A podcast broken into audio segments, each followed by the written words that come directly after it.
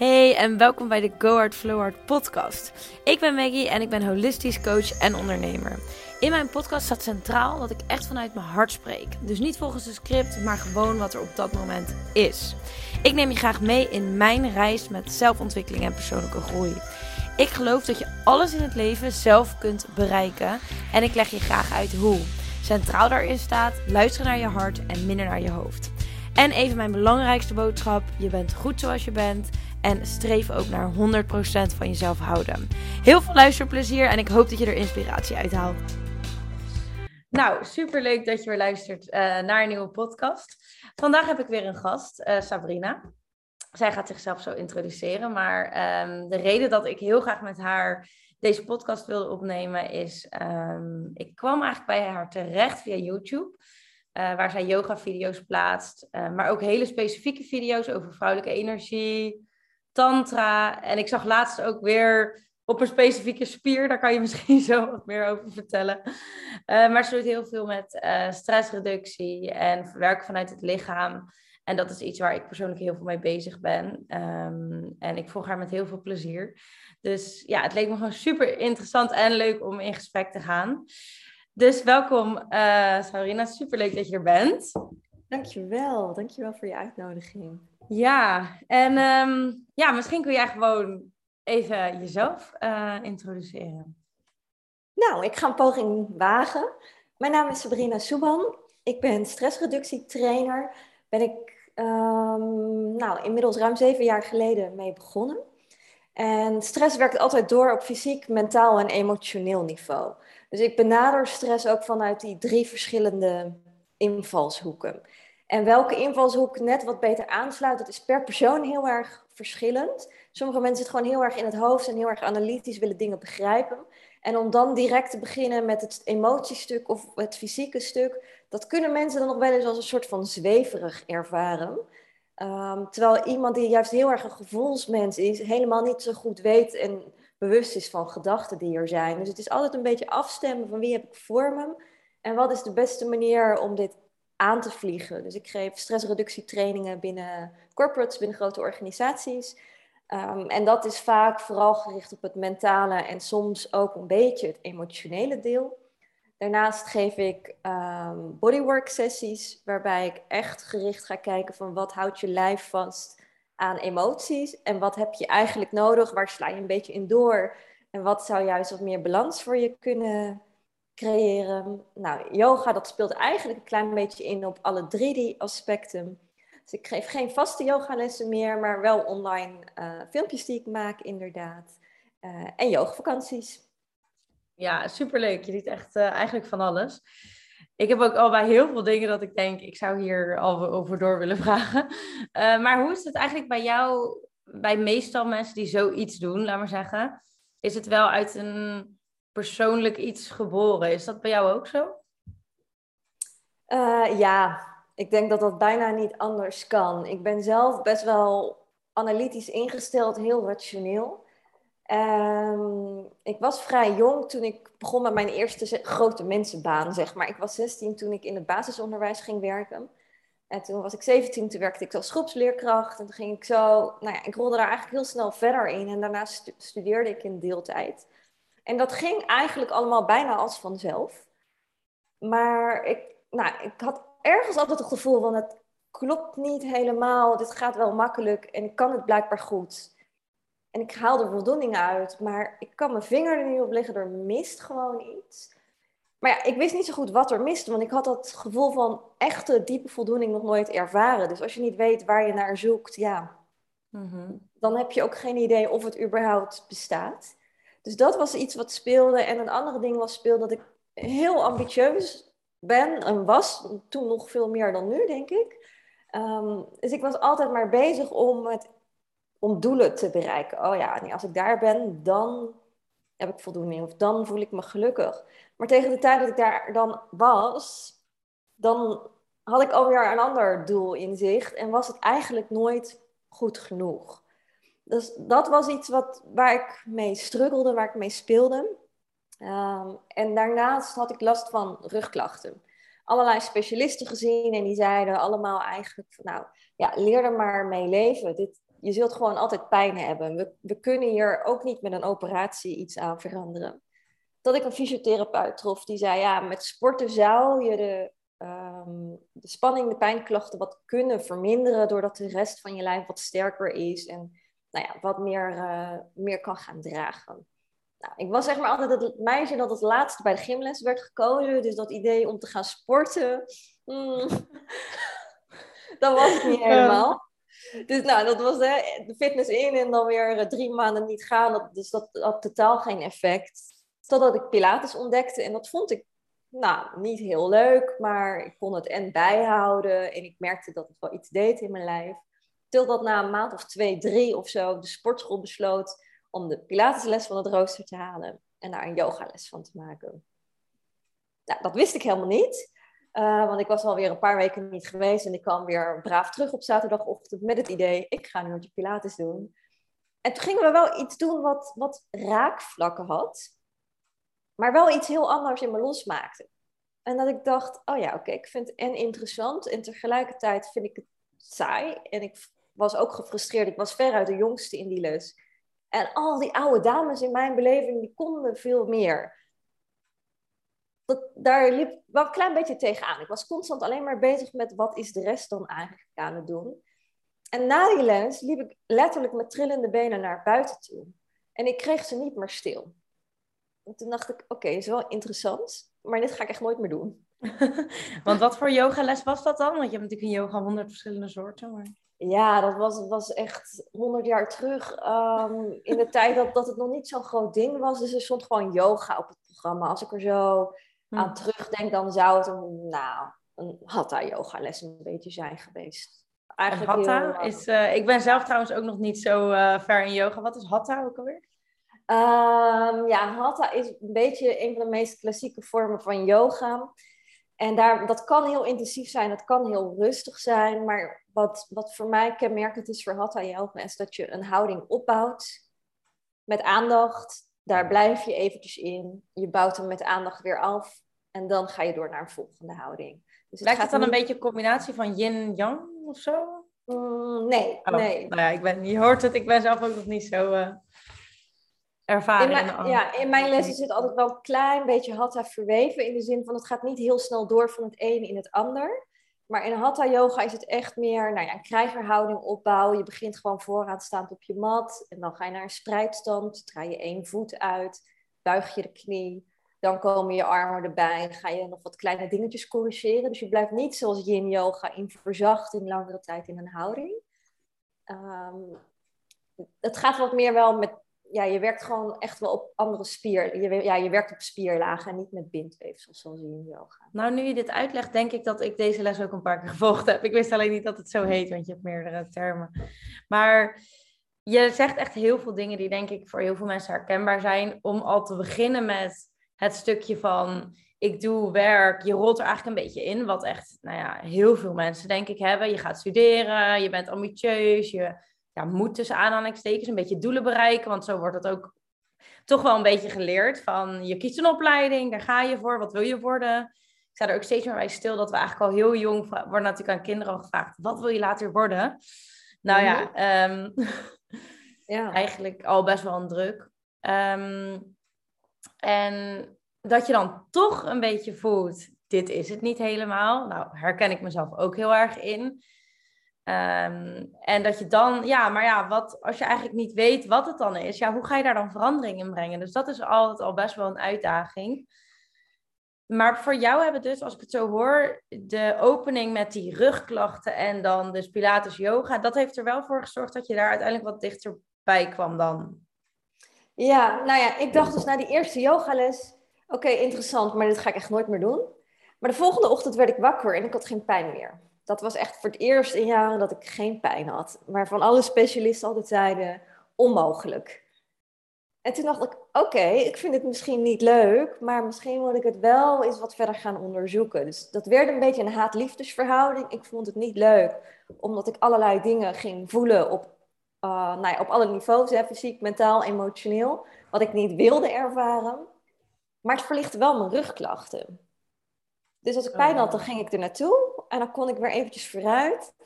Ehm, maar ik had daar ook heel veel vragen over. Van waarom word ik verdrietig in een bepaalde houding? Waarom uh, doet het pijn? Of, of het doet fysiek niet eens per se pijn, maar toch merk ik op dat er iets in me gebeurt. En mijn docenten die hadden daar nooit antwoorden op. Die zeiden alleen maar, ja, voel het maar gewoon. En ik dacht alleen maar mega rationeel, waarom zou ik iets voelen waar ik niet blij van word? Uh, lekker zonde van de tijd. Ja, dus echt. Dus toen ben ik zelf op onderzoek gegaan, heel veel gaan lezen, heel veel gaan uitzoeken van hoe werkt dat dan? En zo kwam uiteindelijk een beetje de liefde tot, tot stand. Ja, echt uh, heel interessant. Van die, uh, sowieso natuurlijk ook daarin, je ziet natuurlijk heel veel mensen die lopen met lichamelijke klachten en uh, je moet je er bij mij neerleggen dat er niks aan te doen is. Terwijl ondertussen, nou ja, ik lees hier ook best wel veel over. En ik, ik um, geloof heel erg dat ons lichaam ons dingen uit. Ja, hoe ik het dan. Ja, het is net hoe je het omschrijft, maar dingen die onderbewust zijn, dat dat er een soort van uitkomt via het lichaam. Misschien omschrijf ik het zo het best van. Er is een ja, klacht tussen aanhalingstekens, maar eigenlijk wijst hij je gewoon heel goed de weg van, oh, hier zit iets en hier mag je naar kijken. En, maar helaas zien we, tenminste zo omschrijf ik het, ben zo benieuwd hoe jij het ziet, maar helaas zien we het vaak vooral als, oh vervelend, eh, ik heb last van mijn rug, ik ga naar fysiotherapeut die uh, je misschien even wat squats laat doen en uiteindelijk na, het helpt even, hij masseert even en twee tellen later heb je weer last en zo gaat het maar, zo gaat het maar. Um, je gaat nog even denken van, oh het zal in de familie zitten, dus ik moet ermee leren leven, et cetera. Nou, en ja, ik, ik kijk daar heel anders tegenaan ook. Ik heb zoiets van, ik geloof echt dat bewijs van alles ja, dat als je echt gaat luisteren aan je lichaam, hoe moeilijk ook, want ik zit zelf ook in een proces waarbij ik nog steeds niet helemaal weet wat is het nou precies. Maar ja, dat, dat, dat als je het op een andere manier gaat bekijken, dat er zoveel lagen in zitten die je, die je dan ontdekt en waar je uiteindelijk ook zoveel lessen uit kan leren als je er op zo'n manier mee omgaat. Ehm, want ja, hoe, hoe is dat? Hoe kijk jij daar überhaupt tegenaan? Hoe zou jij dat omschrijven? Nou ja, ik denk dat ik me heel erg kan aansluiten op, op jouw omschrijving. Dat vat je heel mooi samen. Ik, ik zie het ook holistisch. Uh, het werkt allemaal met elkaar samen. Wat je voelt, wat je denkt, wat je ervaart in je lijf. En ik weet dat mensen dat wel zweverig vinden klinken, maar het is echt puur wetenschap wanneer je al gaat kijken van wat, uh, wat doen gedachten op celniveau met je. Um, dus het is ergens heel logisch, maar het is zo niet hoe we het hebben geleerd. Ja. Vanuit is, de westerse visie. Het is inderdaad, soms wordt het dan als zweverig gezien, inderdaad. Maar eigenlijk, als je heel sec. Heel veel mensen vinden het bijvoorbeeld wel logisch dat je hoofdpijn krijgt van heel veel werken. Maar eigenlijk is dat ook gewoon een lichamelijke reactie op. Nou ja, jezelf uh, helemaal eigenlijk een beetje uitputten. En. Um, of, ja, dat hoorde ik laatst zo'n. zo'n um, uh, dat bewijzen van water al in je mond gaat lopen als je alleen maar denkt aan stuk taart bewijzen van. Is ook een lichamelijke reactie dan op iets wat jij denkt. En dat vinden we eigenlijk heel logisch, maar dat dan. Um, je, je, ik had dat dan bijvoorbeeld toen tijdens corona, dat, dat was echt zo voor mij. Ik had dus corona en ik ben altijd een hele bezig bij en ik wandelen en ik moet dit, dit, dit. Dus daar ben ik dus zelf nu heel erg in het proces van waarom moet dit van mezelf, uh, nou ja, meer rust nemen. En toen um, had ik dus corona, dus nou ja, binnen blijven eigenlijk natuurlijk. En um, ik had niet zoveel last, dus ik was wel aan het werk. Maar ik was dus onrustig, want ik dacht, ja nee, ik moet bewegen. En zelfs wandelen, weet je wel, werd een beetje van, oh eigenlijk moet dat even. Want uh, terwijl ik wandelen heerlijk vind, maar op het moment dat het te moeten wordt, is natuurlijk eigenlijk al, nou ja. En ik lig op bed en ineens draai ik mijn knie en ik kon serieus gewoon niet meer op mijn knie staan. Dus ik dacht echt, dit is zo mijn lichaam. Die zegt, Mac, en nu ga je gewoon rust houden, weet je wel. En zo bekijk ik dat dan, ook al vond ik het alsnog wel even irritant.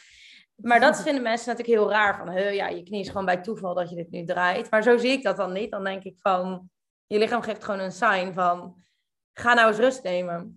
Ja, als jij niet stopt, dan, dan zorgen we er wel voor dat je stopt. Ja, en precies dat. Maar ja, ik zie dat net zoals jij dat ziet. Het is heel logisch puur, als je puur gaat kijken naar hoe het lijf werkt of hoe we als mens eigenlijk functioneren en werken. We zijn gericht op overleven in de kern. Dus jouw lijf gaat alles doen om te overleven en dat geeft alleen maar signalen af om jou de juiste kant op te sturen of juist een beetje gas terug te laten nemen. En het gaat zit harder schreeuwen wanneer je daar niet naar luistert. Ja, ja zo zie ik het ook, ja.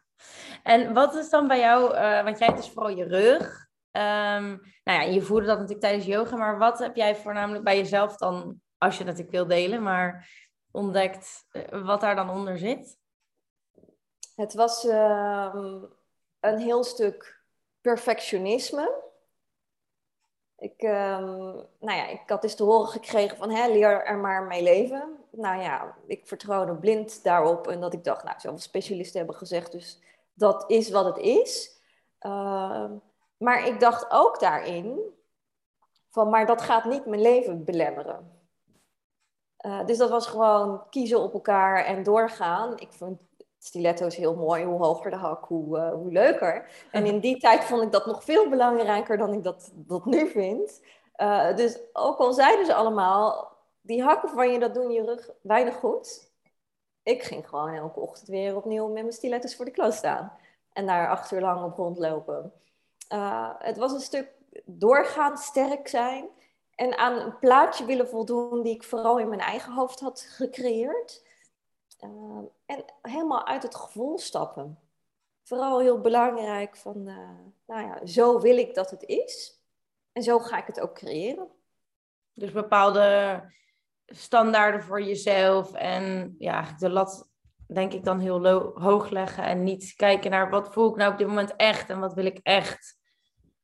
Ja. Um, en, dat, hè, dat het voorbeeld van die schoen is natuurlijk iets heel kleins, maar dat uitte zich in alles. En dat stukje, het is nooit goed genoeg, er is altijd ruimte voor meer groei. Het was altijd alleen maar doorgaan. Ja, ja maar vaak zijn inderdaad, uh, dat zie ik bij mezelf ook steeds meer, kleine dingetjes die je doet, kunnen heel veel zeggen. Weet je wel, bij wijze van, ik um, snij vaak in mijn vinger en ik brand me vaak aan de oven. En ik ben steeds meer van, ik ben dan gewoon niet in het moment. Ik ben gewoon met mijn hoofd ergens anders. En het is een klein dingetje van, ja boeien, iedereen is, weet je wel, is misschien wel eens onhandig, maar dat is een klein dingetje van op zo'n moment ben ik dus niet daar. Ben ik niet met het snijden van mijn paprika of zo. En dat is dus iets wat dan, als je daar dus wat verder naar kijkt, bij juist van die kleine dingetjes van, oh, maar wat, hoe doe ik dat? Wanneer ben ik eigenlijk meer niet in het moment? Oh, eigenlijk ben ik heel vaak aan het rennen en vliegen en niet in het moment, bijvoorbeeld. En dat is net wat jij zegt, van waarom moet je iedere dag... Want had je ook voor jezelf van, als je dan terugkijkt van, wat wilde je dan met die, dat je voor die hakken aan deed, wat gaf dat jou dan? Ja, goede vraag. Wat gaf dat mij? Meer rugpijn. Heel... Nee, maar waarschijnlijk deed je het wel om iets van... Het was een onzekerheid een beetje verbloemen. In de zin van, ik vond dat... Hè, ik had toch een beetje het ideaal plaatje van hoe een vrouw eruit hoort te zien in mijn hoofd. Uh, nou ja, vanuit de media krijg je eigenlijk al van jongs af aan een slanke dame, mooie kleding, uh, mooie schoenen. Nou ja, en ik vind dat ook gewoon wel oprecht heel leuk. Uh, maar het was ook wel een stukje onzekerheid van, hè, ik was niet goed genoeg zoals ik was. Dus ik moest daar op alle mogelijke manieren iets aan doen om de beste versie van mezelf te zijn, van binnen, maar ook van buiten. Ja. En toen je dat, dus dat is uh, voor jou waar je voornamelijk, of, of zijn, waren er andere dingen bij je rug dat je nog dacht van, nou, dat is um, iets wat het mij wil vertellen, dat die, die rugklachten? Uh, nou ja, ik weet nu inmiddels, maar daar, daar is ook nog wel heel wat jaar overheen gegaan voordat ik dat ontdekte, dat het werkelijke probleem vanuit mijn bekken kwam. En dat is bij een heleboel mensen met rugklachten het geval. En het bekkengebied gaat eigenlijk over een heleboel thema's die spelen in de jeugd. Uh, het gaat ook over de manier waarop je omgaat met stress, met spanning, met angsten. Uh, in het bekken gebeurt op emotioneel gebied heel veel. En nou ja, zit, daar zit een belangrijke spiergroep en die bepaalt e-, eigenlijk een beetje hoe de stand van je bekken gaat zijn. En wanneer je bekken niet in optimale conditie is, dan zal je bovenlijf of je onderlichaam dat moeten corrigeren op de een of andere manier. Mijn bekken stond scheef. En als die bekkenscheefstand was doorgetrokken, dan was ook mijn hele rug scheef geweest. Dan liep ik een beetje scheef, zeg maar, met mijn schouder helemaal hangend naar één kant. Nou ja, dat ziet er raar uit, dat functioneert niet lekker, dus je gaat jezelf een soort van rechtop trekken. Dus mijn rug was gewoon heel hard aan het werk om een scheefstand ergens anders in het lijf te compenseren en te corrigeren. Dus Dat, ja, daar zat het nog veel meer in. En die, die bekken, wat, wat zijn dan... Kijk, je moet trouwens zelf weten hoeveel persoonlijk je wel en niet wil delen. Hè? Want ik vraag gewoon dingen, dus kijk maar... Uh, Graag maar lekker. Of uh, geef uh, algemene voorbeelden, vind ik ook goed. Maar dat bekken, wat, wat was dat dan? Ja, we spreken af. Ik vraag gewoon, dan kan jij aangeven als je iets wel of niet wil vertellen. Wat kwam daar voor jou voornamelijk dan uit? van, van waarom staan bijvoorbeeld jouw bekken scheef? Wat... Um, het, het, is niet een heel eenduidig antwoord. Het is eigenlijk een beetje een samenspel van heel veel verschillende factoren. Ik heb best wel heftige dingen meegemaakt in mijn jeugd. En wat er gebeurt op het moment dat je spanning ervaart, en dan maakt het helemaal niet uit hoe oud je bent, um, maar in het bekkengebied gaat een spier aanspannen. Die spier die zorgt ervoor dat je kunt vechten, kunt vluchten of kunt verstijven. Het gaat in oh, zit dat in je bekken, die spier? Ja, de aanhechting zit zo aan de binnenkant van je bovenbeen en aan de ene kant en die eindigt dan ergens zo in je wervelkolom. Is dat dat waar je laatste stories over maakt? Dat zo... De zoals? Ja. ja. die. Had ik dus nog nooit van gehoord van die spier. Dus leuk om uh, ja, even daar meer over te horen. Super cruciale spier. ja, dat is sowieso, hè. Dat heb ik ook steeds meer. Wat weten we nou eigenlijk over onszelf en ons lichaam, weet je Dat is eigenlijk ook bijzonder. Maar goed, vertel verder. Ja. Nou ja, die spant aan op het moment uh, dat jouw brein op welke manier dan ook spanning ervaart. En dat kan zo zijn dat er een deur heel hard dichtvalt en dat je daar even van schrikt. Uh, maar het kan ook zijn dat er een man met een geweer voor je staat. Of het kan vanuit een verkrachting komen. Het kan, nou ja, alles waar, waar je ook maar in meer of mindere mate van schrikt, die zoals spant aan. Want dat zorgt ervoor dat je in actie kunt komen wanneer dat nodig is. En dat is een soort samentrekking van die spier. Dus die verkort eigenlijk als het ware iets. En op het moment dat, die, dat je die spier weer zou loslaten, dan zou die gaan trillen. Dat zie je bij dieren bijvoorbeeld nog wel. Honden en katten hebben dat zelf ook. Wanneer ze bang zijn geweest of heel erg zijn geschrokken van iets, dan gaan ze daarna trillen. Nou, wij als mensen hebben in principe datzelfde mechanisme nog in ons. Maar dat komt eigenlijk alleen naar voren wanneer je echt direct een hele traumatische ervaring hebt gehad. Als je uit een brandend huis bent gekomen of net een auto-ongeluk hebt gehad, dan zie je vaak dat mensen gaan trillen. En dat is een hele gezonde reactie. Maar je doet dat niet wanneer je even bent geschrokken van de deur die dichtvalt, of van je werkgever die boos op je is, of hè, een vriendje wat je hebt teleurgesteld. Dan ga je niet elke keer trillen. En dat is op zich niet heel erg, maar wanneer je dus heel veel van dat soort momenten opbouwt in je leven, en dat, dat doe je gewoon, en de een wat meer dan de ander, dus ik heb wat dat betreft, hè, heb ik niet de meest gunstige factoren meegekregen, maar dan wordt er spanning in gecreëerd en dat bouwt zich op. Nou ja, en hoe meer spanning ehm, je ervaart in je leven, dus hoe meer spierspanning er ook in die spier ontstaat, um, ja, en hoe meer klachten dat ook kan gaan creëren volgens mij ben ik nou helemaal afgedwaald. nee, ja, maar ik heb dit ook altijd, maar dat maakt niet uit. Uh, want ik vind het wel heel interessant. Dus het is eigenlijk een stukje ja, spanning wat je dus opbouwt. En dat slaat zich vaak in de bek op door ook dat die spier daar zit en die daar heel erg op reageert. Ja, het kan niet anders. Ik had laatst iemand die stuurde mij een berichtje op Instagram en die zei... In mijn zo was dit geen spanning. Nou ja, dat zou, dan zou je echt uniek zijn. Of je zit de hele dag ergens in een donker hol en je komt nooit andere mensen tegen en je doet de hele dag niks. Maar het is heel normaal dat er wat spanning zit. En dat is ook helemaal niet erg, zolang je dat ook maar in, in balans houdt. En ja, de ene persoon die heeft gewoon een stabielere basis gehad, dus die heeft al gewoon wat minder spanning opgebouwd daar. Ehm, maar je ziet het ook wel gebeuren bij mensen die pas in hun volwassenheid ergens tegen iets heel heftigs aanlopen. Dat er dan in één keer heel veel spanning wordt gecreëerd. En het is dus, trouwens, dat is ook grappig wat jij zegt met dat trillen. Dat je ook, ik hoorde ook bewijs van, ik vind sowieso dieren vaak, is wel, die zijn natuurlijk heel puur. En die doen gewoon wat uh, hun intuïtie, laat ik het even zo zeggen, vaak zegt. En dat ik ook hoor dat het heel goed is inderdaad om even zo af te schudden. Weet je wel, wat dieren ook doen. Even zo, die schudden zich uit, even stress van je afschudden. Uh, en wij gaan allemaal denken van ja, dat is raar, dat ga ik niet doen, weet je wel. Terwijl, nou ja. Maar, um, het, want is het, is het ook vaak dat heel veel, dus de rugport kan uit de bekken, maar ook heel veel andere klachten, dus je knie, arm, komt dat vaak uit de bekken of is dat heel verschillend? Nou, ik ben geen arts, dus ik wil niet zeggen. Hè, Jouw ervaring, laat ik het zo zeggen. Het bekken speelt vaak een grote rol. Ja. ja. En ik ben er in elk geval fan van dat als je naar een specialist gaat, dat ze ook checken wat de stand van je bekken is. Ja. Want je kunt wel een schouderklacht alleen maar behandelen. En soms is het ook puur iets wat uit de schouder komt. Ben je gewoon even ongelukkig terechtgekomen of heb je iets raars gedaan. Ehm, maar wanneer het uit het bekken komt, dan gaat het vervolgens wel weer een andere weg vinden. Of het komt weer opnieuw terug naar je schouder, of het gaat naar je rug of naar je been. En dan blijf je eigenlijk steeds allerlei kleine klachtjes hebben. Ja, terwijl dat mijn inziens vrij makkelijk voorkomen kan worden. En is het dan, want uh, ik weet niet of je, bijvoorbeeld een boek die ik zelf uh, heel interessant is van Louise Hay, Je kunt je leven helen. Ik weet niet of jij die ook uh, gelezen hebt. Dat gaat natuurlijk ook heel erg over klachten en wat wil je eigenlijk vertellen. Mm -hmm. vind ik zelf altijd ook wel een mooie ingang. Maar dus buiten van, dan kijk je van waar het lichamelijk vandaan komt. Vanuit, hoe zie jij dat dan van, wat ik eigenlijk net zei, ik heb pijn aan mijn knie, dus ik probeer dan op een andere manier te kijken van, oh, weet je wel, mijn lichaam probeert te zeggen van, je moet rust nemen. Dus waar het dan ook precies vandaan komt, dat is dan weer een ander ding. Maar wel, of nou ja, waar het vandaan komt is natuurlijk wel interessant van, om de kern aan te pakken. Maar ja, hoe, hoe zie jij dat van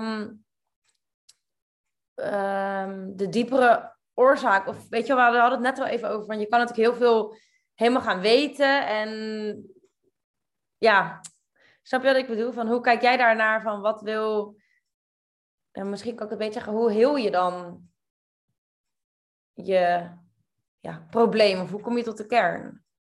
Ja, ik, ik denk dat, dat vind ik denk ik het meest interessante aan het hele lichaamswerkstuk.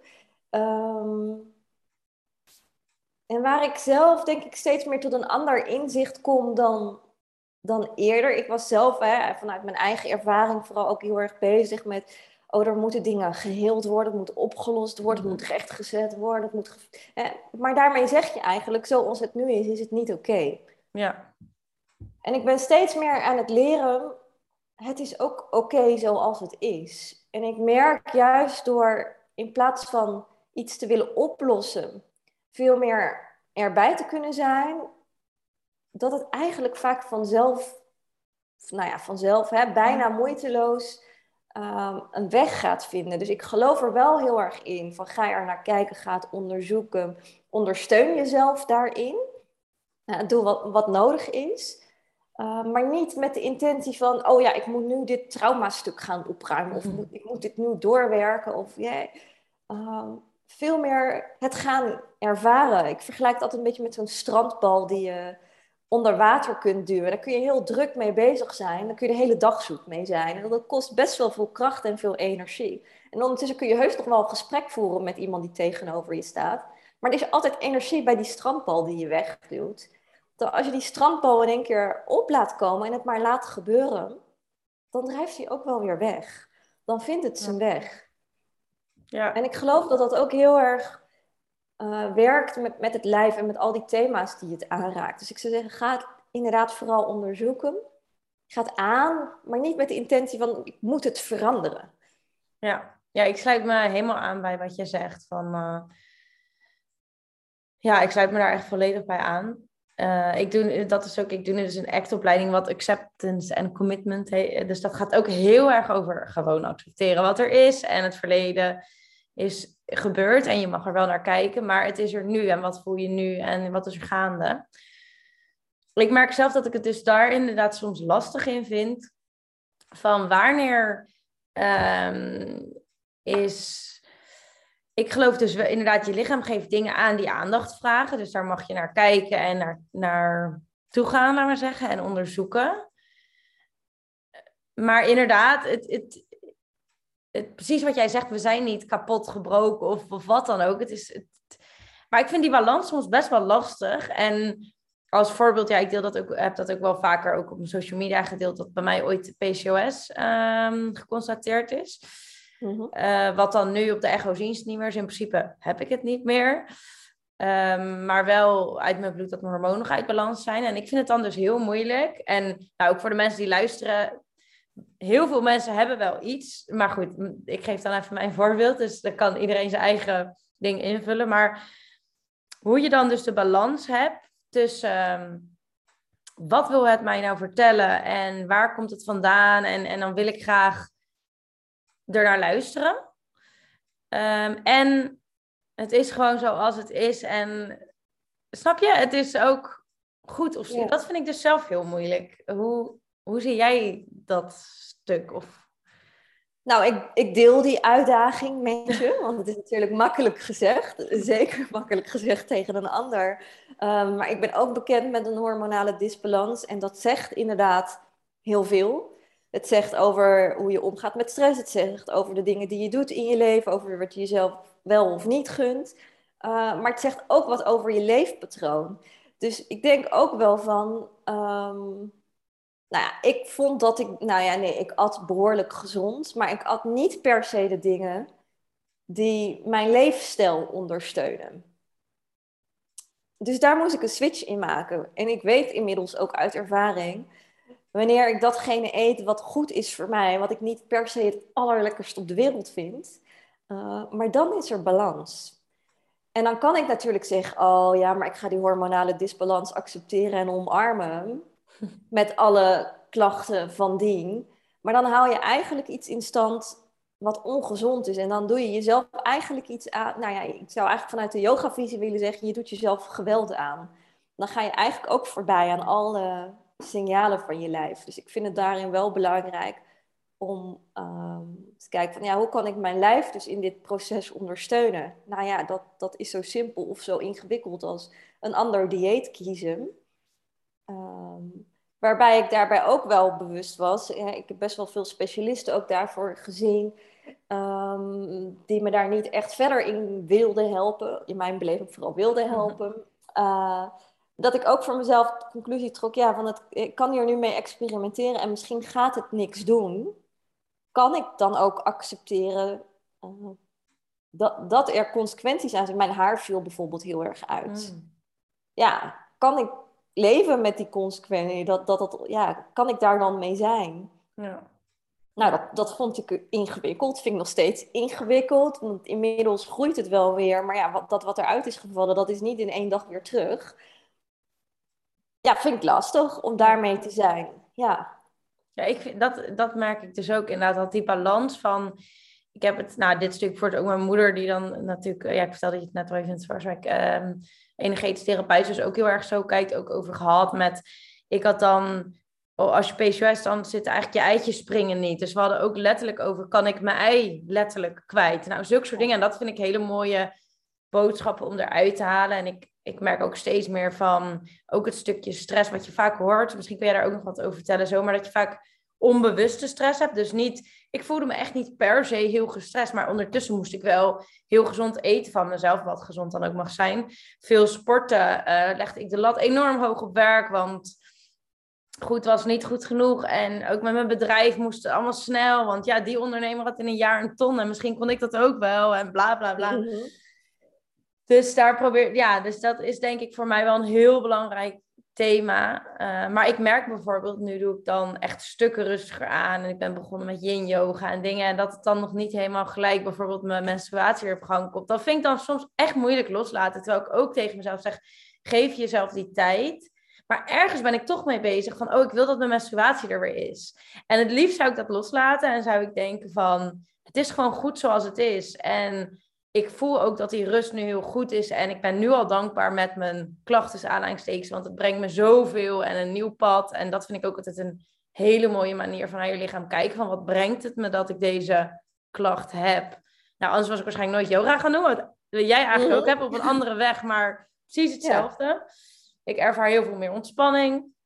Maar toch vind ik het dus moeilijk loslaten. Nou, dat zou je dan wel herkennen als je dat ook met je haar hebt. Maar van dat het, snap je, dat het dan, nou ja, nog er niet dan terug is.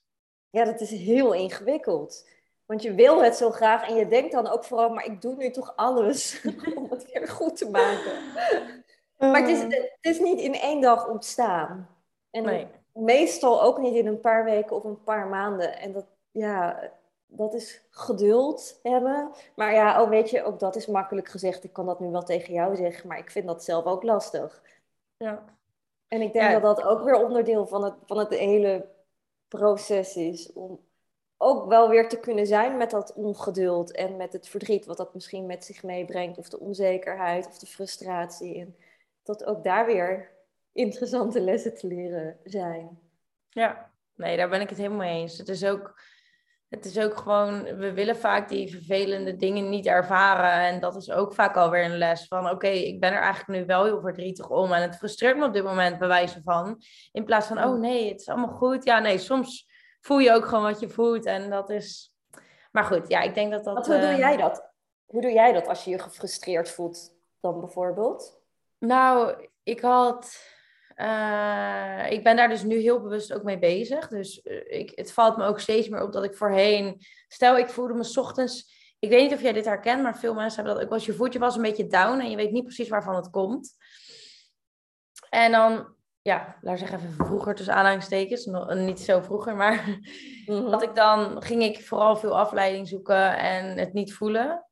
En dat is denk ik soms ook prima, dat je wat leuks gaat doen en, en weet je wel, het niet te zwaar maakt. Eh, maar nu heb ik ook wel zoiets dat ik, als het er is, dat ik denk, nou, het is er gewoon even. En als ik dan probeer ik ook gewoon van, nou, als ik moet huilen, moet ik even huilen. En dus ik probeer het op die manier wat meer toe te laten, zonder per se helemaal op zoek te gaan naar de oorzaak en waar het vandaan komt. En ja, als het dan wel komt, dan is het fijn. En als je dan merk je misschien van, oh, hmm, dit zit er misschien onder. Ehm, en ik ben tegenwoordig heel veel aan het schrijven. Dus dan gewoon eh, typen eigenlijk vooral naar mezelf. Wat ik heel, als heel fijn ervaar. Waardoor ik merk dat ik eh, ja, alles durf te zeggen. En dat vind ik moeilijker tegen mensen om me heen. Want ja, het is dan toch van, oh, misschien, wat kan ik wel zeggen, wat niet. Dus ehm, ja, het stukje proberen toe te laten. Laat ik, en ermee proberen te zijn, daar ben ik mee aan het oefenen. Dat eigenlijk. En Ja. ehm, hoe, eh, hoe doe jij dat? Ehm, nou ja, ik ben er inmiddels achter. Daar zijn hormoonklachten dan dus ook weer goed voor geweest. Dat bij mij mijn gemoedstoestand heel afhankelijk is van mijn hormonen. Ik probeer heel erg volgens mijn menstruatiecyclus eh, te leven. En ik weet ook wanneer ik inderdaad bij het opstaan eigenlijk al denk... "Pff, ah, geen zin vandaag. Dan check ik even mijn menstruatie-app. En het is eigenlijk 9 van de 10 keer... hoort dat gewoon bij dat deel van de cyclus. En eerder ging ik daar heel erg tegen in verzet. Het negeren, het ombuigen. En Dat ik daar nu steeds meer... eh, ja, dat ik milder naar mezelf toe word daarin. Zo van, nou ja, weet je... Ik weet nu gewoon, het gaan even vier, vijf dagen zijn. Dan baal ik van alles en iedereen. En vooral van mezelf.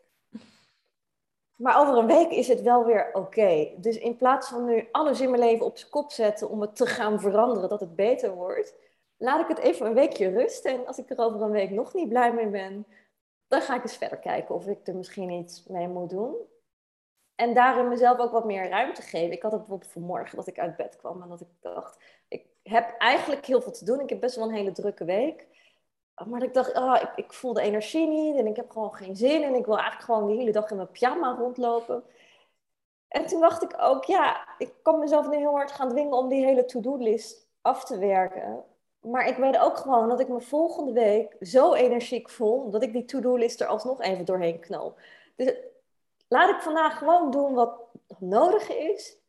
En dan ga ik daarna lekker Netflixen. Ja, nou, ik vind dat milder naar jezelf zijn ook een mooie. Want ik denk dat we het vaak gewoon heel streng zijn. En ook dat je misschien soms niet beseft hoe streng we zijn. Omdat de maatschappij, iedereen doet het, bij wijze van. Dus dat is echt...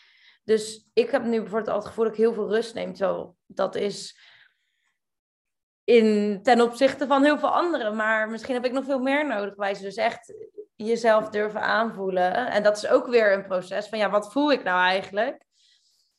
Ja, Maar... En je gevoel kan je soms ook een klein beetje voor de gek houden. En dat is, dat is, ja, het is gewoon best wel ja, interessant en complex tegelijkertijd, denk ik. Heel complex soms. Ik had het net nog toen...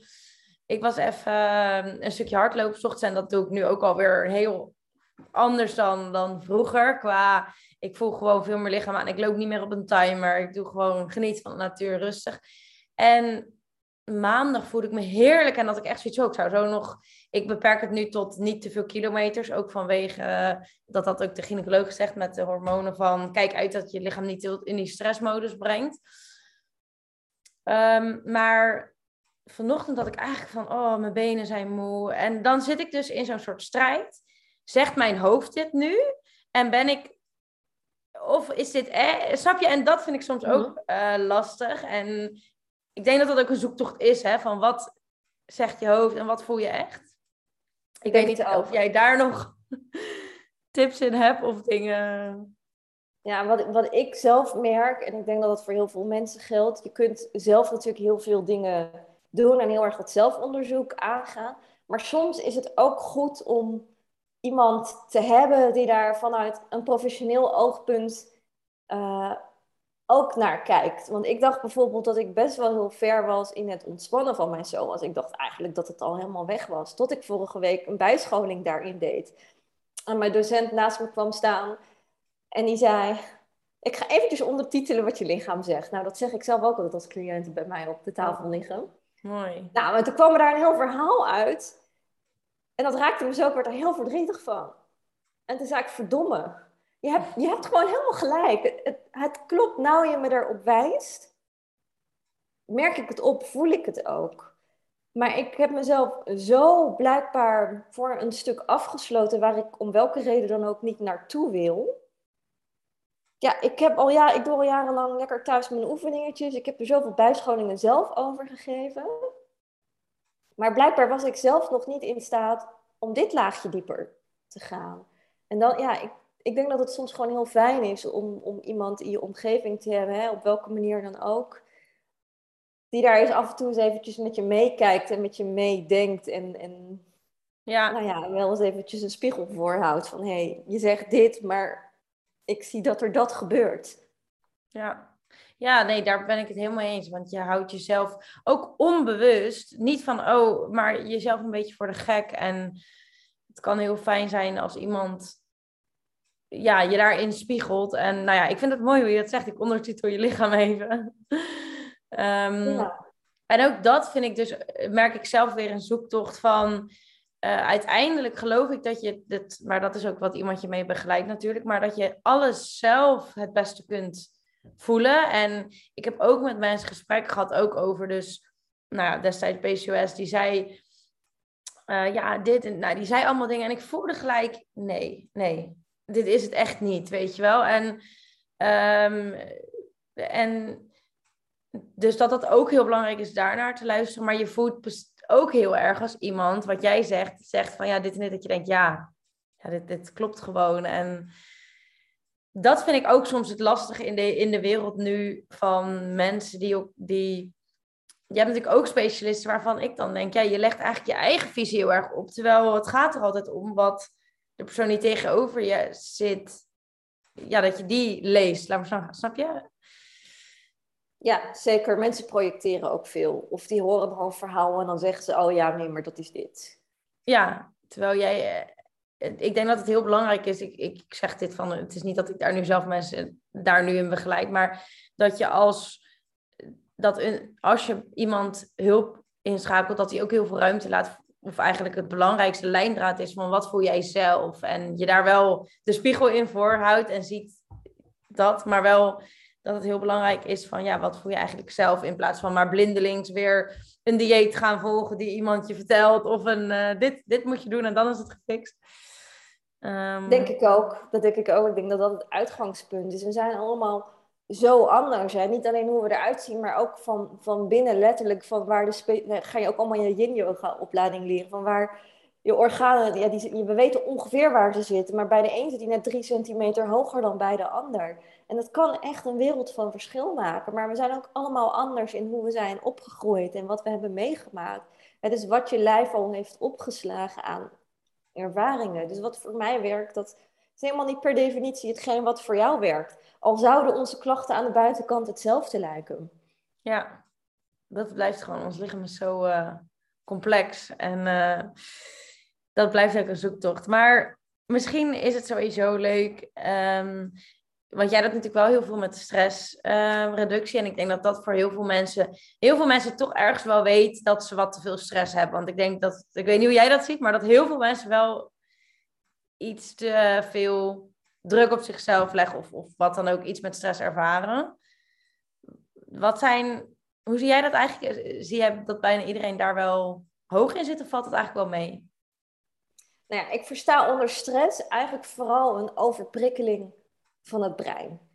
En als je een beetje een gemiddeld een westers leven hebt, dan heb je een overprikkeling van het brein. Alleen al om het feit dat we dagelijks meer prikkels binnenkrijgen dan ons brein kan verwerken.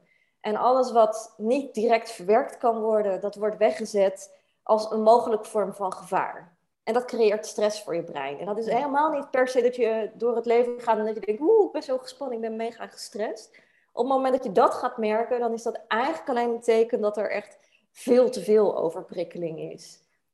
Dus hè, dat moment dat je je zo gestrest gaat voelen, ja, dan ben je eigenlijk al een beetje doorgeslagen, zeg maar.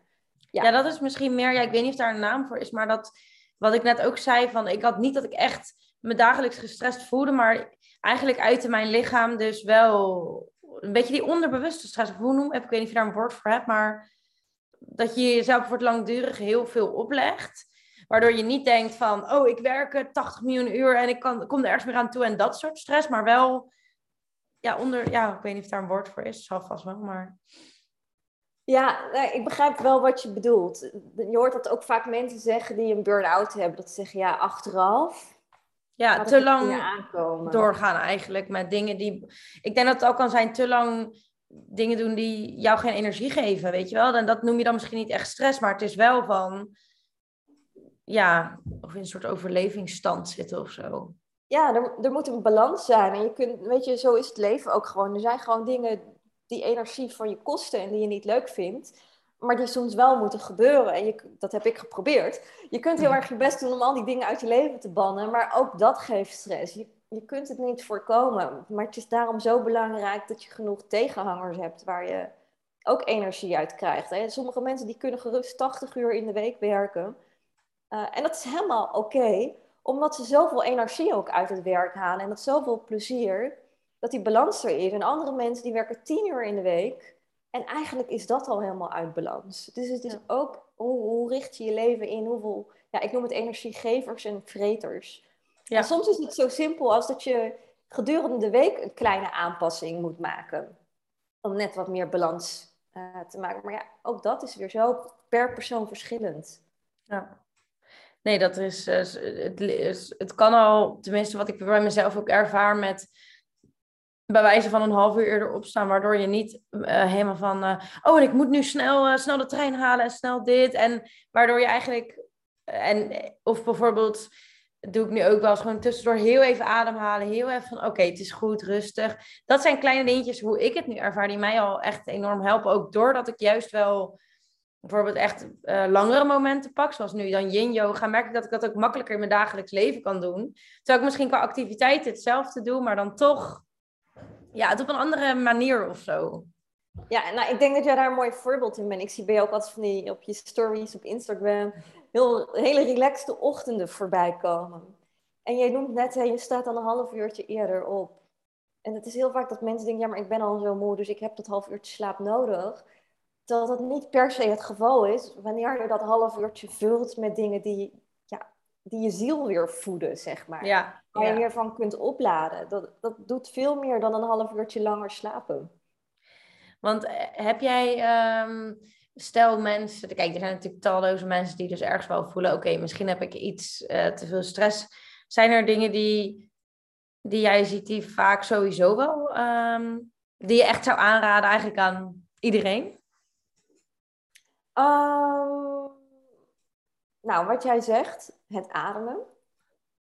Het is het doorademen, dat is het echt het meest simpele en het meest effectieve wat je eigenlijk kunt doen. Diep naar je buik toe ademen. En je ademhaling die laat eigenlijk heel mooi zien hoe je je voelt. Nou, je weet het zelf wel, wanneer je op een tropisch strand ligt, je eerste vakantiedag en je hebt helemaal naar je zin. Dan adem je op een andere manier dan wanneer je weet van, oh ja, vanmiddag heb ik een deadline en ik heb echt geen idee hoe ik dat moet gaan halen. Dus je adem, je kunt zelf wel denken, oh, maar ik voel me niet gestrest. Maar als jouw lijf stress ervaart, dan zie je dat sowieso aan de hand van je ademhaling.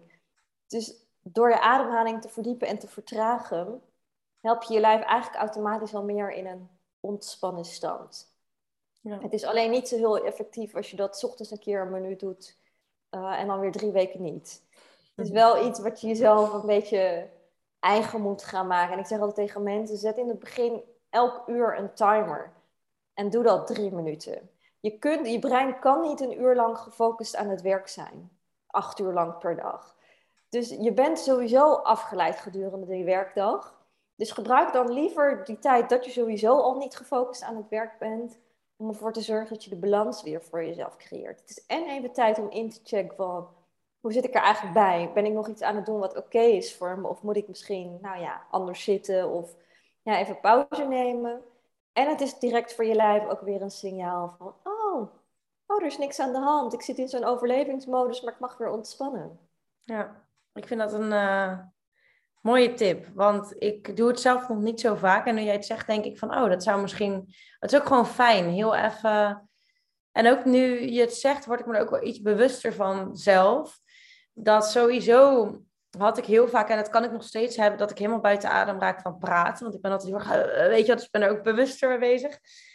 Maar ook, ik had toevallig vanochtend, ik heb toch vaak als ik opsta, enerzijds heel fijn, ik heb altijd gelijk super veel energie. Maar soms merk ik ook dat ik al gelijk dus best wel hoog in mijn ademhaling zit. En vanochtend voor het hardlopen dacht ik, ik ga heel even zitten gewoon. En dan heb ik ook soms behoefte om echt zo, helemaal zo, weet je wat te doen. Ja, dan merk ik van, oh, eigenlijk is heel natuurlijk om dat te doen. Ja, ja en, ik, en ik, dat vind ik eigenlijk, ja, nu je het zegt, denk ik inderdaad. En ik had dat gisteren dus ook, want gisteren hadden we dan een uh, nawerk, een sessie van de Flamingo Club. Wat heel, allemaal heel leuk is, maar het was wel weer gelijk door. En toen deden we even meditatie, doen we vaak wel voordat we de sessie beginnen. Het is ook zo ook behoefte om echt zo even zo diep te ademen. En toen dacht ik, oh, oké, okay, dit is wel een sign van, ik moet echt even ontladen en even rust. En dus het is mooi wat jij omschrijft, want dat laat eigenlijk wel zien hoe natuurlijk het is. Ik denk dat iedereen dat wel herkent. Dat als je net heel druk hebt gehad, dat je daarna echt zo'n momentje hebt van... Nou, hè, ik ga weer even, even zitten. Het is zo super natuurlijk om dat te doen. Dus maak daar gebruik van. Eigenlijk is het zo simpel, maar toch eh, denken we allemaal... Nee, eerlijk, heel vaak heb je het soort idee... geen tijd voor, vergeten. Terwijl wat is, ja, dan blijft natuurlijk dat cliché van prioriteiten stellen, maar dat is wel gewoon zo van. Mensen laten het vaak te ver komen. Dat vind ik eigenlijk ook zonde. Van inderdaad tot een burn-out of tot, nou ja, eerlijk, ik heb nu ook met mijn hormonen, weet je wel. Dus, en soms is dat ook prima. Dan is dat dus blijkbaar wat je nodig hebt om het inzicht te krijgen. Ehm, daarom denk ik ook, ik vind het heel leuk. Jij doet ook kinderyoga, hè? Ja, klopt, klopt. Leuk om te ik zien. heb een achtergrond als pedagoog. Ehm, en ik ben heel blij dat ik niet meer met kinderen werk. Maar ik vind het nog wel iets heel belangrijks. Want ja, ik geloof wel eerder bij dat leren als mens zijnde. Ja, hoe meer profijt je daar eigenlijk al bij hebt. Om bij jezelf te blijven, om naar je lijf te luisteren. Om af en toe eventjes los te laten, om niet te hoeven presteren. Ik merk ook dat kinderen het heel verwarrend vinden, want bij mij hoeven ze niks. Ik heb de enige regel is dat ze hun mat laten liggen en niet gaan omvouwen en rare dingen mee doen. Maar ze hoeven niet mee te doen. Als zij een uur willen slapen, dan gaan ze lekker een uur slapen. Maar dat ze soms echt gewoon überhaupt geen idee hebben van wat ze willen of wat ze voelen. En dan, nou ja, na een paar lessen zie je dat dat langzaam een beetje indaalt. Maar het is zo gek, hè? We leren kinderen eigenlijk allemaal om in hun hoofd te gaan zitten, om vervolgens als volwassenen weer te bedenken, oh, ik zou wel wat meer willen voelen. Ja, iedereen hè, van ik zit te veel in mijn hoofd, nu weer voelen. Maar hoe mooi zou het zijn als je gewoon op school begint met een meditatiemomentje of even adem of gewoon van die simpele dingen. Dat het niet alleen maar is, je moet uh, precies weten in welk jaar die en die geboren is en uh, waar, uh, wat is het, Nijmegen ligt. Terwijl we toch alldoor Google Maps hebben, bij wijze van spreken denk ik van ja, we zouden... Maar goed, dat is natuurlijk weer een ander probleem. Maar mooi dat jij daar, ik denk dat je daar kinderen enorm mee helpt door wat jij eigenlijk zegt. Je hoeft hier niks, je gaat lekker doen waar je, waar je zin in hebt. Um, ja. Ik zit even te denken, want ik had nog een paar dingen wat ik sowieso wilde vragen, maar ik weet niet hoe lang tijd jij, jij hebt. Ik heb uh, mezelf vrijgegund vandaag, dus ik heb tijd. nou, top. Nee, want ik ben wel benieuwd. Um, het stukje vrouwelijke energie ben ik zelf ook wel geïnteresseerd in. Wat, uh, hoe is dat zo op je pad gekomen? Want misschien leuk even voor degene die luisteren. Zo ben ik eigenlijk bij jou terechtgekomen, omdat ik letterlijk googelde op vrouwelijke energie yoga of zo. Uh, omdat ik een beetje al een vermoeden had bij mezelf, maar misschien kun jij daar meer over vertellen. Dat ik heel veel in mijn mannelijke energie zat. Uh, van mijn werken was alleen maar doorgaan. Er waren ook veel mannen op de werkvloer in de sales. Het was lat lag hoog, altijd aanstaan. Ehm, en ik had dus ook het gevoel, want PCOS komt vaak ook dus uit zo'n disbalans van je hormonen, dat dat bij mij wel een rol speelde. Dus ik was heel erg geïnteresseerd in, oh, hoe kom ik dan weer meer in die vrouwelijke energie? En zo kwam ik bij jou terecht. Uh, hoe, is dat, ja, hoe is dat bij jou zo gegaan? Ehm, dat je daar die interesse zo in hebt. En misschien kun je er überhaupt wat meer over vertellen, over die energietypes. Ja, dat is, het is eigenlijk een, nou, jaar of tien geleden ontstaan. Uh, meer omdat ik in die tijd aan het daten was met een man die op seksueel gebied hele andere ideeën had dan ik. Hij wilde allemaal dingen waarvan ik überhaupt niet wist dat mensen dat deden of dat het bestond. Uh, ja, en, hè, wat, wat ik dan fijn vond, dat was voor hem een beetje een soort van, ja, oké, uh, boeien, vind ik echt niet spannend. Dus dan ga je toch een beetje zoeken van, wat, wat bestaat er nog meer? En zo kwam ik op tantra en dat sprak mij heel erg aan. Nou, hem totaal niet, maar goed, kwam, hij kwam tot die conclusie nadat we daar een klein beetje uh, research naar zijn gaan doen. En in tantra wordt heel erg gewerkt met, met polariteiten. Dus hè, met het mannelijke, met het vrouwelijke, wat niet per se over geslacht gaat, maar wel over de energie inderdaad. Dus daar was een beetje de basis voor mij gelegd. Nou, we waren geen match made in heaven, dus gingen uit elkaar. Maar voor mij was daar wel al dat ik dacht, dat tantra, dat, dat spreekt me wel aan. Misschien, uh, als ik het goed begrijp, is het toch ook meer yin en yang en naar binnen keren versus naar buiten keren? Of dat is wat ik tot nu toe een beetje weet, maar... Ja, zeker. Eigen, eigenlijk alles wat, wat polariteiten zijn, warm en koud, uh, zacht en hard. Uh, nou ja, alle, alle tegenstellingen die we, die we kennen. En in Tantra gaat het voor mij in elk geval heel erg over verbinding. In eerste instantie met jezelf. Dus voelen van, hè, wat wil ik nu in het hier en nu? Uh, en van daaruit ook de verbinding kunnen maken met de ander. Wat wil de ander? En waarin je niet altijd per se hetzelfde wil. Um, maar veel meer met, met aandacht in contact bent. En dat is helemaal niet per se seksueel. Hè? Dat, dat kan. Tantra heeft in het Westen heel erg de naam. Dat, het is alleen maar seks. Ik zou zeggen, begin vooral eerst met dat hele proces met jezelf. En gaan daarna pas eens een keer over seks nadenken. Um, maar bij mij was het zaadje toen daar geplant. En toen ben ik daar zelf meer uh, mee gaan doen. Uh, ik heb ook een yogaopleiding in India gedaan. Dus er werd ook veel gesproken over, over de Shiva Shakti energie. de mannelijke vrouwelijke energie.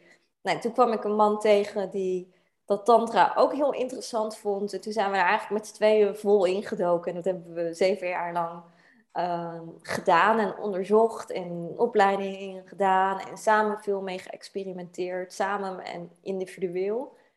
Um, en ik kwam er daarin ook zo, hè, ook in andere aspecten van mijn leven, achter dat dat stukje mannelijke energie voor mij ergens natuurlijker voelde. Omdat ik mezelf dat veel meer had aangeleerd. Ja. Om altijd aan te staan, om initiatief te nemen, om knopen door te hakken. Ik werkte ook heel graag met mannen. Die gezeur met vrouwen. nee, dat, maar dat mannelijke energie daarin, of hoe ik het dan zie, dat, of, of dat stuk, dat herken ik ook wel dat dat veel normaler voelt. Want het, is soms echt uit mijn comfortzone. Ik had het laatst, ja, ik weet niet of je dat per se onder mannelijke vrouwelijke energie schaart hoor, maar wou over dat ik dan bijvoorbeeld een dagje wat rustiger aandoen en lekker yoga en een wandeling maken en misschien wel iets werk, maar dan voel ik meer van wat meer in de rustige vrouwelijke energie in de flow. Voel het een beetje uit mijn comfortzone. Dat, daar ben je dan misschien niet zo bewust van, maar dat zie ik dan van. Eigenlijk voel ik veel meer van, zoals gisteren een dag op kantoor staan, hup, dan, dan voel ik me, mezelf. Terwijl dat slaat natuurlijk eigenlijk nergens op, maar dat voelt zo omdat dat zo normaal is of zo. Ja, je hebt vaak ook wel een beetje een voorkeur voor een van beiden. Dat is helemaal niet erg. Maar het is eigenlijk het, hetzelfde stuk als met, met stress. Het gaat ook wel weer om balans. Wanneer je alleen maar in die mannelijke energie zit, dan, dan sta je veel te veel aan. Maar wanneer je alleen maar in die vrouwelijke energie zit, dan ben je veel te passief. Hm. Dus dat, het is een kwestie van, van balans. En voor mij was balans inderdaad om meer in die vrouwelijke energie te gaan zitten. Wat meer ontvankelijk, wat meer loslaten, wat meer achteroverleunen. En dat vind ik nog steeds wel eens heel erg uit mijn comfortzone en saai. En dingen gaan langzamer dan ik ze eigenlijk zou willen wanneer ik dingen wat meer los moet laten. Um, dus dat, uh, daar kwam mijn eigen onderzoek een beetje naar. En dat ik eigenlijk hoe meer ik daar oké mee kon worden, hoe meer ik lang kon zijn ook met dat stuk in mezelf, hoe meer ik dat ook om me heen zag. En dat ik dacht, het is ook helemaal niet gek dat het zo onnatuurlijk voor me voelt. Je wordt zo gedrild vanuit mannelijke energie eigenlijk om, om te leven en te handelen. Dat is niet per se erg hoor, want er, er, zit heel veel kracht ook in mannelijke energie. En ik denk ook dat we het echt nodig hebben. Maar dat daar, ja, dat die balans nu dus wel kwijt is. Dat daar echt gewoon hè, in de hele maatschappij in is doorgeslagen. En dat het nu juist zo belangrijk is om ook die tegenhanger erbij te hebben. Om weer de balans terug te vinden. En dan is het heel logisch dat je eerst dan helemaal door gaat slaan. Vervolgens in dat feminine stuk. Voordat er daarna weer ergens wat wordt rechtgetrokken. Ja, dat je eerst denkt van, oh, ik ga helemaal gewoon heel rustig. En, uh, ja, Alleen dat... maar accepteren, zitten en loslaten dat. ja, ja, maar dat is het inderdaad, soms heeft het ook gewoon nodig om daar weer de balans terug te vinden van, ja, om gewoon te voelen wat past echt bij mij. Um, en ik hoorde ook wel eens, en dat, dat voel je ook wel echt, bijvoorbeeld dat in Spanje en Portugal veel meer de vrouwelijke energie meer overhand heeft. En in Nederland of overhand, maar dat ze leven daar gewoon wat meer manjana, manjana en uh, weet je wel.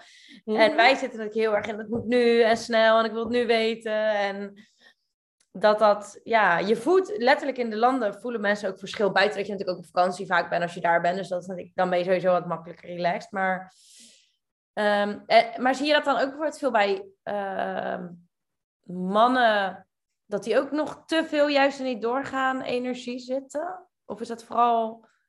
Want ik heb wel eens uh, begrepen dat vrouwen over het algemeen, wat jij zegt, het gaat eigenlijk natuurlijk niet om man of vrouw, maar over het algemeen wat meer opladen in dus die, die vrouwelijke energie en mannen wat meer in mannelijke. Maar ik weet niet hoe jij dat ervaart en ziet. Ja, als je dat vanuit de tantrische visie bekijkt, dan, dan is dat zo. Uh, maar wat, wat ik bijvoorbeeld zelf complex vind, hè, Tantra is echt zo'n zo'n visie die al duizenden jaren geleden is ontstaan. Um, je hebt nu natuurlijk ook mensen die het gevoel hebben dat ze in een verkeerd lichaam zijn geboren. Ja, ik heb geen idee hoe dat dan precies werkt. Als je puur gaat kijken naar hoe we hormonaal gezien in elkaar zitten, dan hè, het hele hormoonhuizing van een vrouw is gewoon anders dan dat van een man. En dan heb je inderdaad die femininiteit meer nodig dan een man. Maar hoe zit dat dan met iemand die in een vrouwenlijf zit, maar zich man voelt of andersom? Hmm. Ik, ik, weet ook helemaal niet wat dat eigenlijk doet met al die chemische processen en zo. Dus ik vind het soms ook. Ik, heb ook heel erg getwijfeld van ga ik dan filmpjes maken over feminine energie? Moet ik dat dan anders noemen of niet? En kan dat nog wel in deze tijd? Ja, ik, ik denk dat er ook nog een groot grijs gebied is of zo. Ja. Ja, en dat het ook per persoon, dat, dan kom je ook weer terug op voelen wat voor jezelf werkt. Dat iedereen voelt bij zichzelf, denk ik. Uh, heel veel, ja, tenminste, ik merk ook wanneer je meer ruimte geeft aan wat je voelt, dat je steeds meer ook voelt wat er eigenlijk bij je past. En daar is inderdaad niet natuurlijk één op een brief van ja, bij jou dit, bij jou dit, bij jou dit. Maar dat is gewoon bij jezelf heel erg voelen van, oh, ik merk dat ik nu eigenlijk weer iets meer behoefte heb om, om even focus aan en ik ga nu even. En oh, nu merk ik eigenlijk bij wijze van mijn ademhaling alweer van ik heb even iets meer weer de flow nodig. Dus dat dat, ehm, eh, ja, dat dat natuurlijk voor iedereen anders is. Ja, en ik denk ook niet alleen maar aanvoelen, maar ook echt eerlijk naar jezelf zijn. Want het kan dus ook wanneer je in een van die uitersten zit, dat dat heel lekker voelt. Wanneer je heel erg passief bent geweest een tijd, dan kun je ook best wel een beetje lui zijn. En dan heb je soms ook gewoon echt een schop onder je kont nodig om wel weer wat te gaan doen. En dat, en dat is dus waarvan ik altijd zeg, ja, soms is het gewoon goed om iemand te hebben. Hè? En inderdaad, iemand, ik zou zeggen een professional, omdat je er, nou ja, ik mag hopen dat hij goed is onderlegd om jou daarin op een integere manier te ondersteunen. Ehm, om even te kijken van, ja, klopt dat wat ik voel ook met datgene wat ik nodig heb? Want soms komt dat niet helemaal overeen. Nou, dat blijft inderdaad ook weer dan een lastig punt soms. Van uh, je, je voelt soms um, ja, sterk iets, maar is het inderdaad omdat dat in je comfortzone zit? Of, en dat is denk ik wat veel mensen ook lastig vinden van wat voel ik nu eigenlijk daadwerkelijk? Um, en ik geloof dat je daar inderdaad met behulp van iemand um, ja, wat dichterbij, of, of, die je daarbij kan helpen. Maar ook een stukje de stilte opzoeken. Want ja, Maar dat is de, ja, ik denk dat dat wel een uitdaging is uh, af en toe om. Uh, we blijven toch vaak graag in onze comfortzone. En dat is helemaal niet altijd wat precies het beste voor ons is. Maar. Um, ik denk dat het interessant is om het allebei te doen. In je comfortzone kun je lekker opladen. Maar het is ook wel eens leuk om juist datgene te doen wat een beetje oncomfortabel is. Gewoon om het, gewoon, doe het met nieuwsgierige aandacht. Gewoon om te zien van, oh ja, wat gebeurt er? Misschien vind ik het heel leuk en blijft het wel bij me te passen. Nou, dan kun je dat in je leven integreren. Misschien denk je, nou, dit is echt verschrikkelijk. Uh, maar het doet me wel goed, dus ik blijf het wel doen. Of, of het doet niks en je vindt het verschrikkelijk. Ik denk wel dat dat een leuke levenshouding is om daar wel een beetje mee te experimenteren. ja, ja. Wat denk jij? Ja, nee, dat, dat heb ik ook. Van het, is, het is ook gewoon een beetje proberen, ervaren. En ja, ik ben zelf ook dus heel zoekende nu van. Want ik heb soms toch het idee van ergens voel ik toch wat ik nodig heb. Snap je ook al? Voelt dan bijvoorbeeld een dag knallen lekker, dan weer, ergens voel ik toch onder van, oh ja, en nu is wel weer. Maar goed, ik ben daar ook mee nu in het zoeken. En ik merk dat toch wel rust en stilte opzoeken je wel wat dichter bij je kern, noem ik dat dan, brengt van wat heb ik nu echt nodig. En dat, um, ik zat op een gegeven moment ook van, oké, nu afstand, rust, uh, dat had ik ook wel echt nodig. Maar ik voel ook wel dat er ergens weer een vuurtje zit van, ik heb wel zin om straks weer aan de slag te gaan met wat ik tot nu toe al weet en leer. En dus dan voel ik dat ook wel weer, snap je? Dus, nou, ik weet volgens mij is dat heel erg leven vanuit feminine energie. Ja, ja, dat doe ik nu ook wel. Probeer ik ook wel meer, maar um, nou ja. Um, zou je nog, eh, heb jij nog iets van, ik vond die ademhaling een hele praktische, mooie tip voor als mensen al denken van ik wil toch proberen iets dichter bij mezelf en iets meer te ontstressen af en toe. Ja, dan is eigenlijk die ademhaling een hele simpele. Um, en wat natuurlijk veel mensen ervaren, misschien heb je daar ook een tip voor als eerste ding wat je zou kunnen doen. Je hebt iets in je lichaam waar je geen idee van hebt wat het is. Pijn in je pols, aan je rug, aan je knie, aan wat dan, wat dan ook. waar zou jij een tip hebben waar iemand mee zou kunnen beginnen om, ja, ik wilde zeggen op te lossen. En dat is dan weer dus misschien juist de tip van je hoeft niet op te lossen, maar om, daar, ja, om het aan te gaan, ja. Nou, ik zou sowieso altijd zeggen als eerste, hè, een beetje afhankelijk van hoe ernstig je klachten zijn, laat het wel altijd eerst checken bij een specialist. Want soms is het ook gewoon iets medisch en is, het gewoon echt heel belangrijk dat daar iets mee gebeurt. Um, dus dat is het ene wat ik zou willen zeggen. En als je ook meer wil kijken naar het hele holistische stuk, ga dan ook met jezelf aan. Echt eens even stilstaan van, oké, wat kan dit over mijzelf zeggen? Inderdaad, wat jij zegt, hè, bijvoorbeeld, hè, kan ik mijn ei wel kwijt? Nou, ik heb vroeger zelf hele heftige menstruaties gehad. Ja, waar pijnig je jezelf dan zo mee? Dus, hè, of als je iets aan je been hebt, wat, wat ervoor zorgt dat je letterlijk niet verder kunt of in beweging kunt komen. Um, waar ren je bij vandaan? Dus ga er ook zo naar, naar kijken. Dat onderzoek met jezelf eens aangaan. Wat, wat kan dit mij vertellen over thema's die spelen in mijn leven? En wat ik zelf een mooi boek vind, wat daarbij kan ondersteunen. Het is um, een beetje ouderwets geschreven, maar, maar het geeft wel even handvatten in het begin. Uh, hoe heet dat nou? Van Christiane Beerland. Ja, ik heb die hier. Oh, ik heb een dikke pil. Uh... Ja, um, de sleutel. Nee? Tot zelfbevrijding. Ja, ja, die. Ja, toch? Zij ja, schrijft wel echt als een bottenboer dat je denkt, je hebt dit, dit, maar ik snap wat je bedoelt. ja, als je echt geen flauw benul... Ik heb hem echt al jaren niet meer over, opengeslagen. Maar het is voor mij wel het, het begin van het hele proces geweest. En de eerste tien keer dat ik dan iets las, dacht ik, ja, doe je, dat is het echt niet. Maar ik moet achteraf bekennen, er heeft altijd wel een kern van waarheid in gezeten. Maar wat je zegt, het is een beetje bot soms geschreven en in het hele overdrevene. Maar je kunt het gebruiken als een klein beetje van, oh ja, in deze richting moet ik het misschien gaan zoeken. Ja, ja. ik denk dat dat een hele mooie eerste stap is voor mensen. En wat jij, ik sluit me echt 100% bij aan van, kijk ook gewoon even medisch. Want soms zijn er gewoon dingen die of al best wel ver zijn. En dat het gewoon wel belangrijk is om te kijken van ja, wat speelt er? En uh, moet er echt. Dat vind ik ook heel mooi dat dat allemaal kan tegenwoordig, wat, wat er allemaal kan. En daarnaast gewoon zelf proberen je boodschap eruit te halen. En uh, ja, ik vind dus Je kunt je leven helen van Louise Hay ook. Die vind ik heel laagdrempelig. Ja. Um, maar inderdaad, die andere heb ik ook. Ja, die is. Um, Nou, ik denk dat mensen daar wel iets mee kunnen. En het is denk ik ook een stukje van durf het ook aan te gaan. Ik vind heel veel mensen zijn ook wel, en nou ja, daar hoef ik eigenlijk niks van te vinden, want iedereen heeft zijn eigen proces. En, uh, maar op een gegeven moment is het ook een stukje het ook echt aangaan. En niet alleen maar denken van, ja, als je echt zoiets hebt, ik wil graag er verandering in.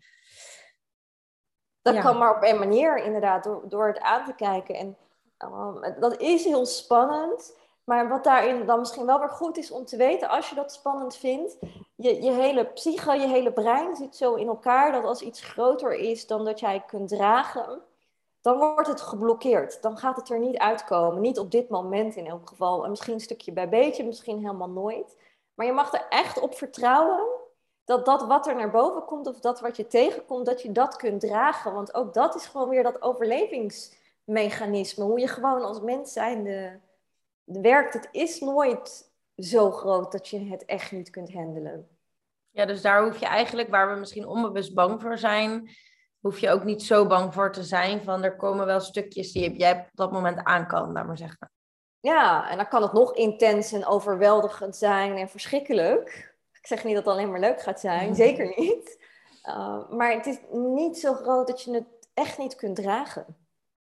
Ja, ja mooi. Ja. Nou, ik denk um, dat we al best wel veel besproken hebben. Heb jij iets um, nog waarvan je zegt, dit wil ik nog delen over dit onderwerp? Nee, ik kan echt nog drie uur doorpraten. ja, dat heb ik ook. Maar ik denk dat we hele belangrijke dingen hebben genoemd. Nou, misschien is het leuk om nog een keer uh, apart nog een keer over een bepaald onderwerp. Want nu hebben we best wel breed dingen, maar ook bijvoorbeeld het stukje mannelijk vrouwelijke energie vind ik super interessant. Tantra zou ik graag ook meer over horen van je. Inderdaad, het, nou ja, het stuk licht. Ja, er zijn gewoon heel veel dingen. Um, maar goed, dan wordt het wel heel erg lang. Dus ik denk dat we nu al wel wat leuke dingen hebben aange stipt, laat maar zeggen.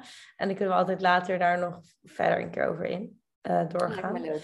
Ja. Ik denk wel dat het leuk is, want ik heb sowieso al interesse om een keer naar jou te komen. Vooral nu ik dit allemaal weet. Um, want ja, ik vind wel echt wat ik van je zie, dat je het heel, heel mooi doet. Um, en ja, ik, uh, nou, ga zo zeker even vragen hoe dat. Als, ik zou zeker een keer langs bij je willen komen. Als andere mensen dat ook hebben, wat, waar kunnen ze je het beste ehm, vinden? Want je bent ook niet altijd in Nederland.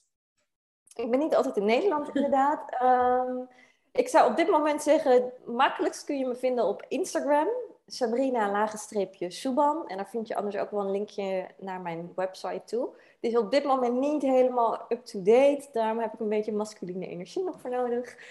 Um, maar op Instagram deel ik best wel veel. Ook met dingen waar je zelf mee eh, aan de slag kunt. En dan kun je ook allemaal contactgegevens vinden. Ik zet hem wel even in de omschrijving ook als linkje.